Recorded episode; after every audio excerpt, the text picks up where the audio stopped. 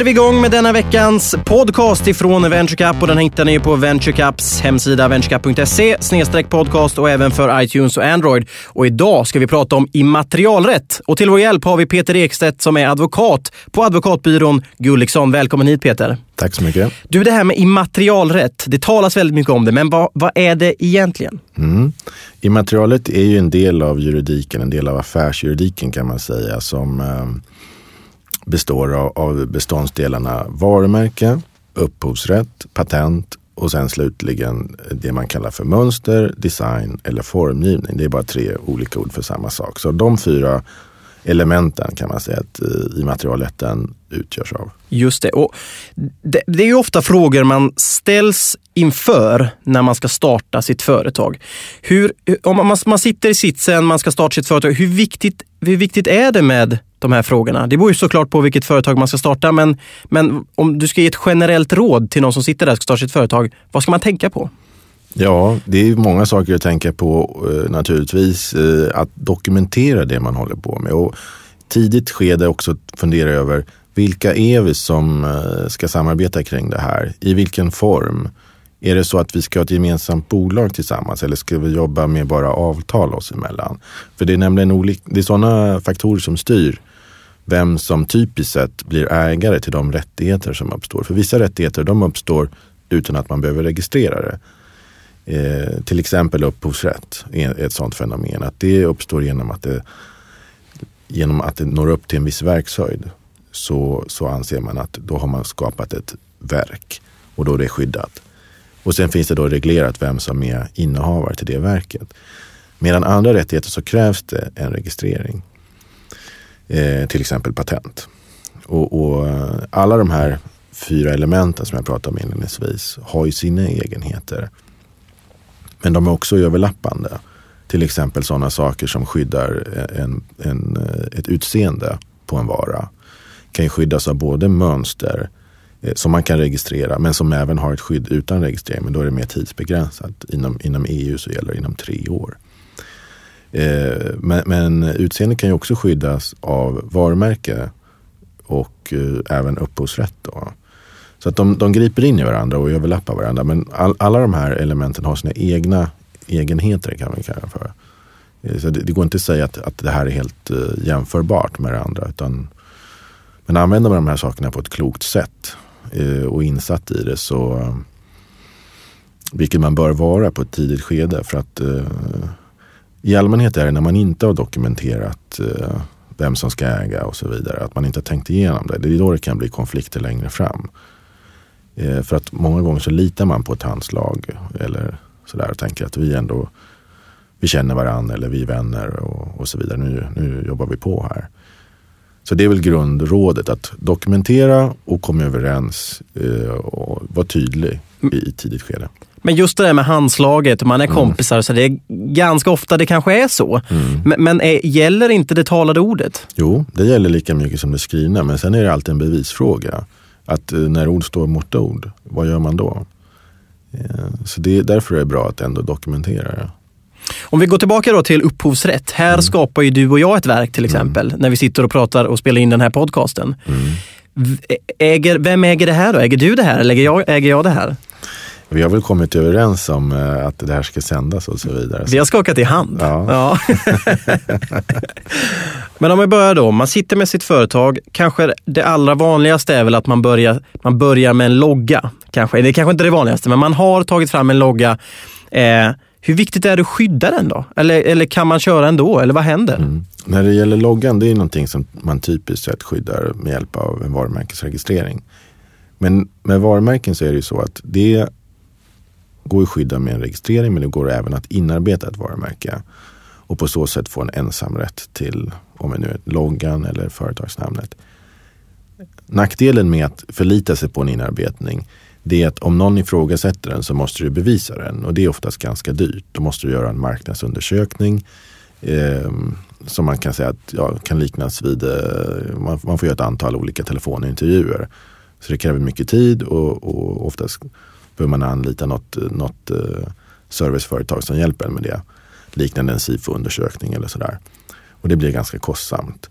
Så därför, om man sätter den kostnaden i, i relation till vad det kostar att registrera ett varumärke så är det mer effektivt att ansöka om registrering. Eh, och ehm, Ja, vad var frågan egentligen? Om det, och hur man ska skydda en logga? Ja, eller hur viktigt är det? Hur viktigt det är? Ja, ja alltså ehm, det beror ju lite på vad man, vad man ska ha som eh, vad man vill lyfta fram med sitt företag. Om det är företagsnamnet som är det viktiga eller om det är tjänsten eller produkten. Eh, så eh, där finns det lite olika skolor kan man säga. Många företag är ju synonyma med ja, när man tar kända företag liksom som Apple och så vidare. Det är klart att de är väldigt måna om att skydda sitt namn.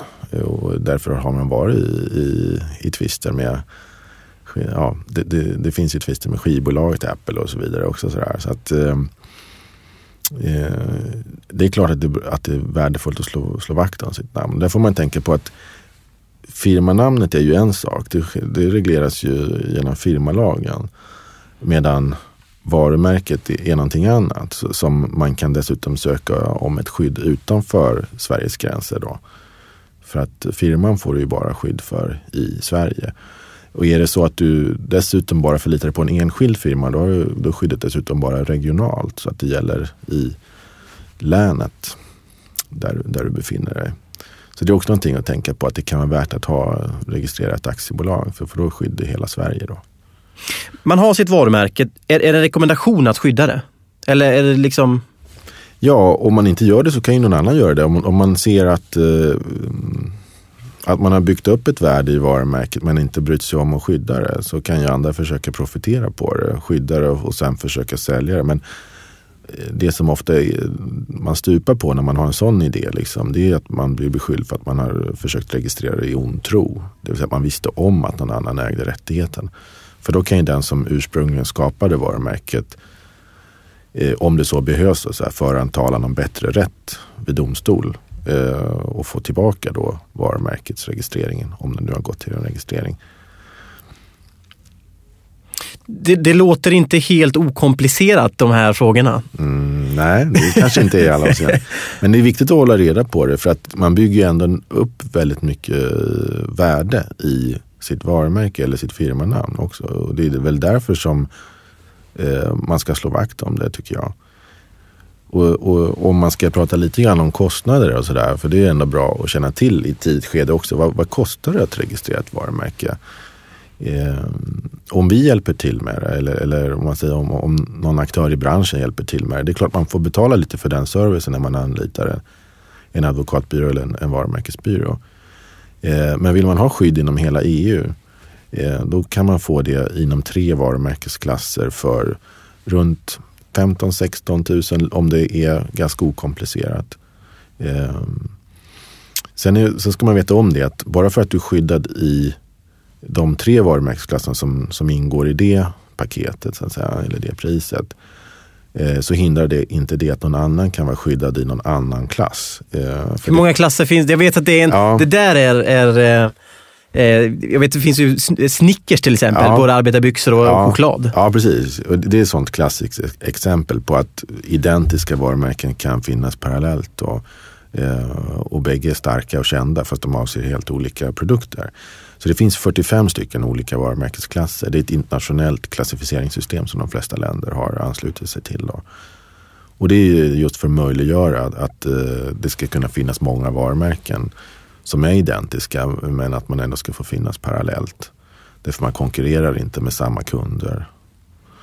Yeah, så, så det måste man veta om också att, att man har ingen um, ingen ensamrätt till, till allt, så att säga, bara för att du har fått igenom din registrering i dina klasser.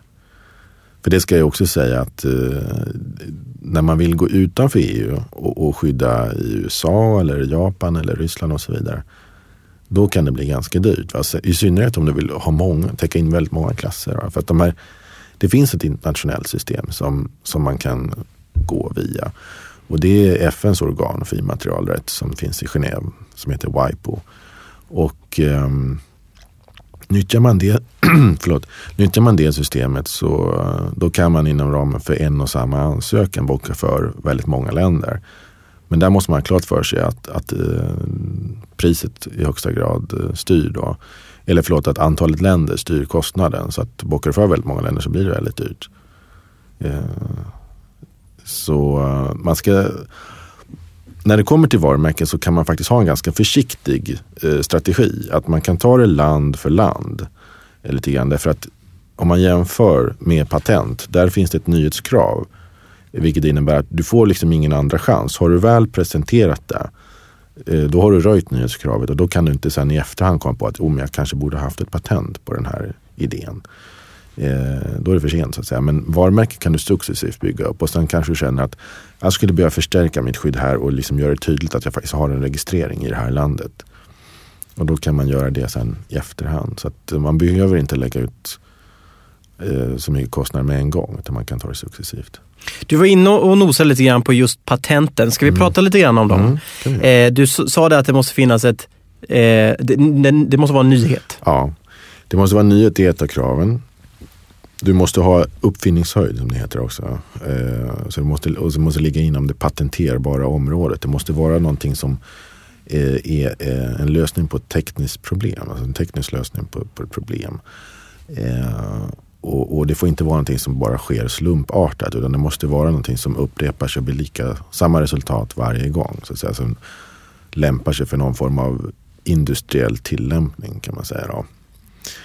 Eh, och där, även då för patent så finns det då möjligheter att söka både i Sverige och det finns eh, flera internationella system. Man kan söka inom eh, Europa då, EPO-patent. Vänder man sig till Patentverket eh, i, i München. Eh, eller så har på samma sätt FN sitt, sin modell som går via WIPO eller PCT som det kallas då för, för eh, patent. Men, men hur funkar det där då? Det, har man en produkt till exempel eh, och jag, jag, jag är verksam i Sverige jag vill ta patent i Sverige. Men sen vill jag då ta, ta, ta, patent i hela världen. Måste jag göra det direkt då, fast jag inte riktigt har tänkt på det? Då blir det ju liksom, det blir en nyhet eh, för världen, men, men i Sverige är det känt. Mm. Förstår du? Ja, jag förstår ja. precis vad du menar. Och då finns det eh, också ett, ett, system eh, med frister, att man har en viss tid på sig att gå vidare internationellt. Nu eftersom jag inte jobbar med patentanläggning så risk att jag säger fel, men man har ett antal månader på sig eh, att eh, gå vidare internationellt. Jag vill minnas att det är ungefär 18 månader, men jag, jag ska inte ta gift på det eh, när det kommer till patent i och med att vi har vår patentbyrå som handlägger patenten rent praktiskt. Eh, men principen är den att du ska ha en viss tid på dig att eh, från det att du söker din första ansökan. För den är inte, den är inte officiell från början, så att säga, utan den blir publicerad först efter en tid.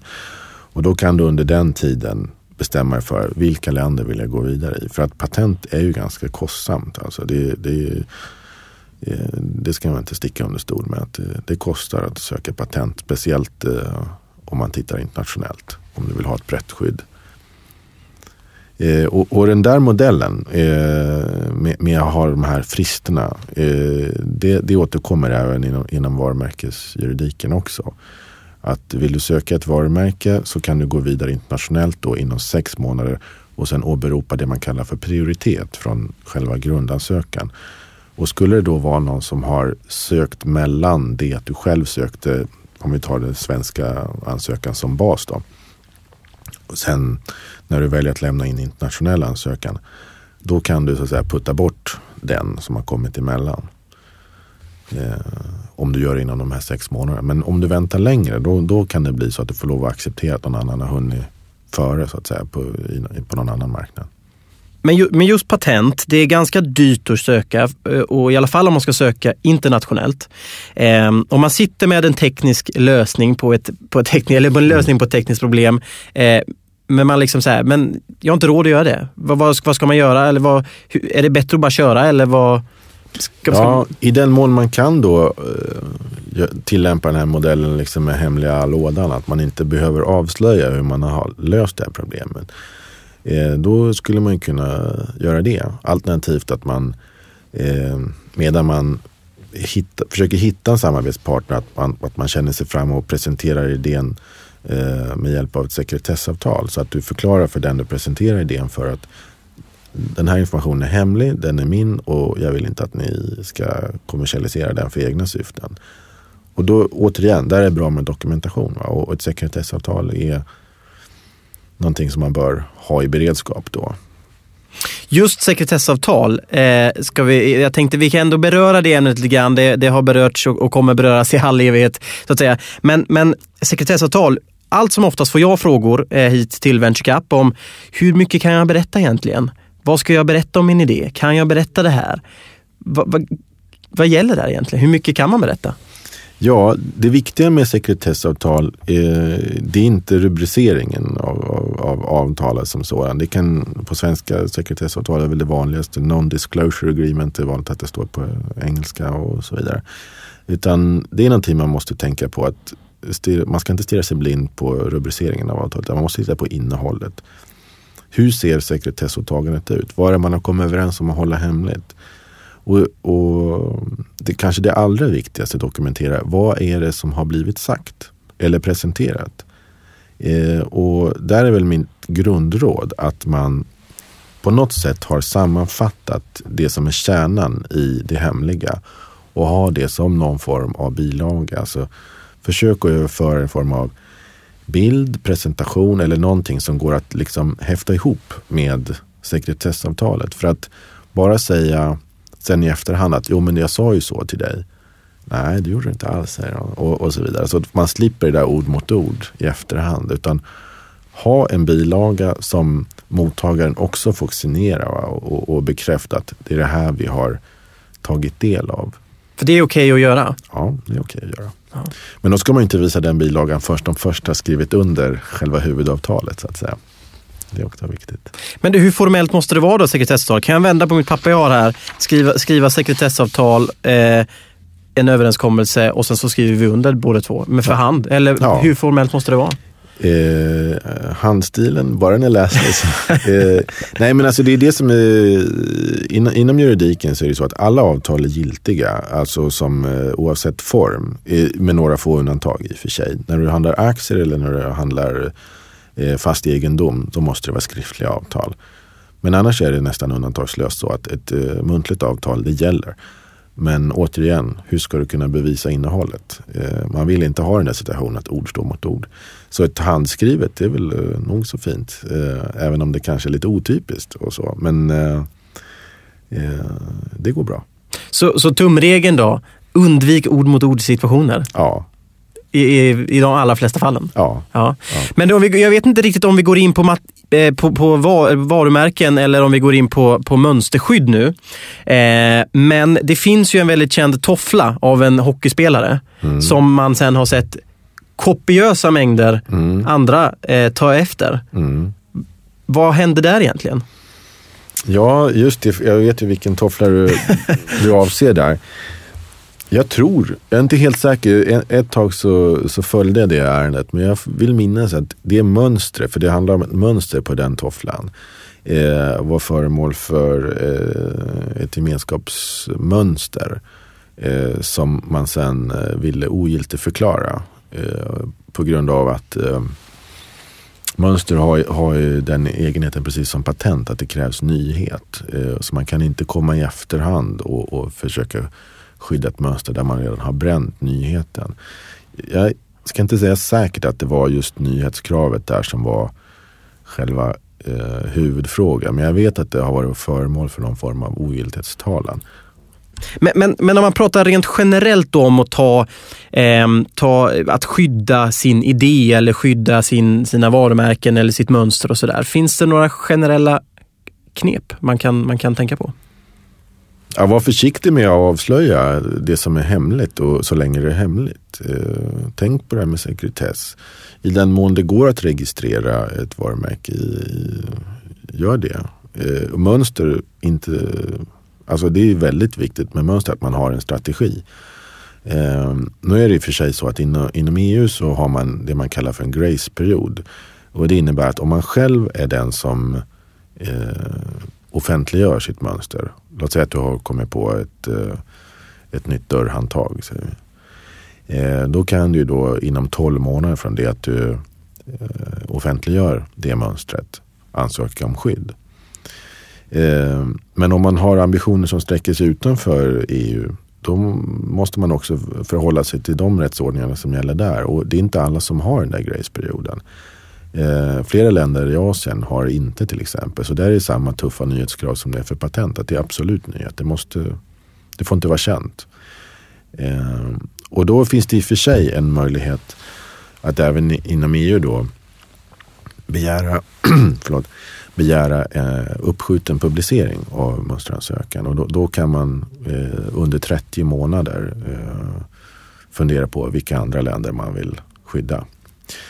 Eh, så det är också viktigt att tänka på. Eh, att man inte lägger kroppen för sig själv.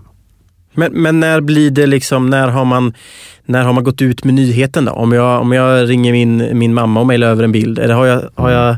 Ja, det måste ha gjorts offentligt för allmänheten. Mm. Eh, och man kan säga att det, det är något, eh, något generösare krav eh, när det kommer till mönster jämfört med patent. För patent så kan eh, till och med en, en mönsteransökan som ingiven utgöra hinder för, för nyhetskravet så att säga, för patent.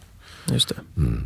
Men du, kan man, kan man en, en, jag vet inte om man ska kalla det en filosofisk fråga, men kan man skydda vad som helst? Man kan säga så här att eh, filosofiskt så är, är grundmodellen att allt är fritt eh, till, till någon bevisar motsatsen. Mm. Eh, det, det, är liksom grundfilosofin, in, in, även inom immaterialrätten. Så att, ja, det är fritt nyttjande till allting, såvida inte motsatsen säger, ja, något annat säger motsatsen.